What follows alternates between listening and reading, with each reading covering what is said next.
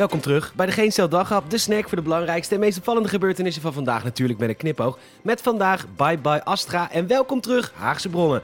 Mijn naam is Peter Bouwman en dit is het nieuws van Victory Day, 9 mei.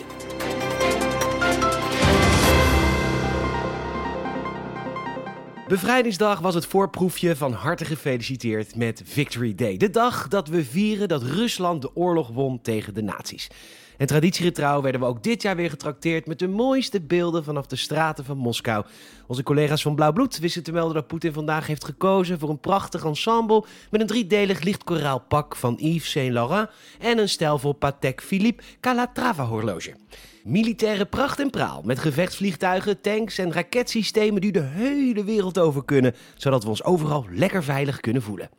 En dan de toespraak, waarin Poetin ons als volk heeft uitgelegd dat er toch nog steeds nazi-ideologieën bestaan en er nog steeds samenlevingen zijn zonder vrijheid, democratie en persvrijheid. Iets om even bij stil te staan. Bedankt, president Poetin, en een hele fijne Victory Day. Zjanas! Mocht je nog in de markt zijn voor een AstraZeneca-prikje, dan moet je er snel bij zijn, want de EU heeft dus besloten het mailtje niet meer te bestellen. En dus zal er schaarste ontstaan voor de liefhebber die straks alleen nog maar in Afrika terecht kan voor het vaccin. Na juni worden er geen vaccins meer verkocht, dat weet de baas van het Europees vaccinatieprogramma Thierry Breton te melden. De banden tussen de bedrijven en de EU zijn al vanaf het begin slecht. Simpelweg omdat Astra nooit het aantal beloofde vaccins geleverd heeft. Altijd minder dan beloofd, terwijl ze wel de hele wereld overgestuurd werden vanuit Europese fabrieken. De EU heeft de fabrikant inmiddels aangeklaagd wegens deze gebroken beloftes. Overigens heeft AstraZeneca nog nooit winst gemaakt met het vaccin en dat willen ze ook niet doen tijdens de pandemie. Maar waarschijnlijk gaat het daarna ook niet gebeuren. De overheid communiceert niet goed, of in ieder geval, het sluit niet aan bij de taal van de burger, wat dat dan ook weer betekent. Bij het Dagblad van het Noorden stelt Gert-Jan Lidde, adviseur crisisbeheersing, dat ze meer vanuit het hart moeten spreken. En dat terwijl er tijdens de crisis honderden communicatieadviseurs zijn ingehuurd om de boodschap lekker makkelijk te presenteren.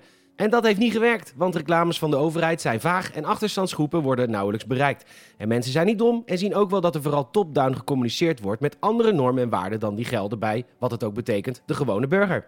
En dat is natuurlijk een mooie wens dat de overheid authentiek en met het hart met de burgers praat. Maar laten we vooral hopen dat ze dat niet gaan doen. Als ze namelijk echt zouden zeggen wat ze vinden, dan zouden ze ons bij elke persconferentie uitlachen, uitschelden en wantrouwen.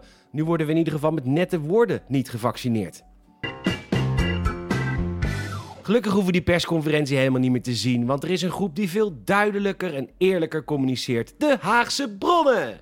Vandaag was er weer een katshuis overleg over mogelijke versoepelingen, maar volgens de Haagse bronnen zijn de voortekenen niet goed. Dat hebben ze verteld aan het AD. Het zou gaan om fase 2, het openen van doorstroomlocaties zoals sportscholen, pretparken, musea en dierentuinen. De Nederlandse Anthony Fauci van het Amerikaanse RIVM, de CDC. Hè? Wacht. Nee, die klopt. Jaap van Dissel, heeft de hoge heer in Den Haag bijgepraat en het gaat nog niet goed genoeg met de ziekenhuiscijfers. Dat daalt al een tijdje, maar heel langzaam.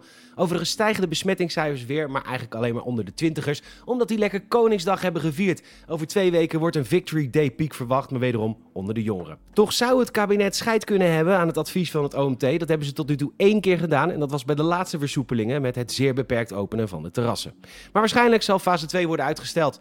Het kabinet zal de komende dagen dit verhaal van de Haagse bronnen vertalen, zodat we dinsdagavond hetzelfde verhaal horen, maar dan in anderhalf uur. Een ontluisterend verhaal bij het AD vandaag over een Franse Zo Een beetje AD-dag hè vandaag. Nou, die hadden gewoon leuke onderwerpen. Kan je niks aan doen. Het AD die had een ontluisterend verhaal vandaag over een Franse piloot die tijdens zijn ontgroening is vastgebonden aan een doelwit op de grond. Dat is dus een soort van grote roos, maar dan een kruis, waar gevechtspiloten op moeten schieten als oefening. Een soort van Call of Duty voor fitte mensen. Anyhow, de man werd daar dus aan vastgebonden met een blinddoek voor. En vervolgens hebben ze ruim 20 minuten lang om hem heen geschoten met kogels en zelfs bommen. En, en ja, dit is een bizar verhaal, maar er zijn foto's van. Bovendien staat het op het internet en dus is het waar. Er is een klacht ingediend en het Openbaar Ministerie doet onderzoek. Groninger studentenkorps Vindicat laat in een reactie weten... Gast, kinderspel. Het enige wat dom is is als ze gepakt worden, losers. Thanks, Vindicat. Bedankt voor het luisteren en je zal ons enorm helpen als je een vriend of vriendin vertelt over deze podcast. En ook een Apple Podcast Review, echt helemaal top. De werkweek gaat weer beginnen. Zin aan. Uh, fijne maandag alvast. Tot morgen.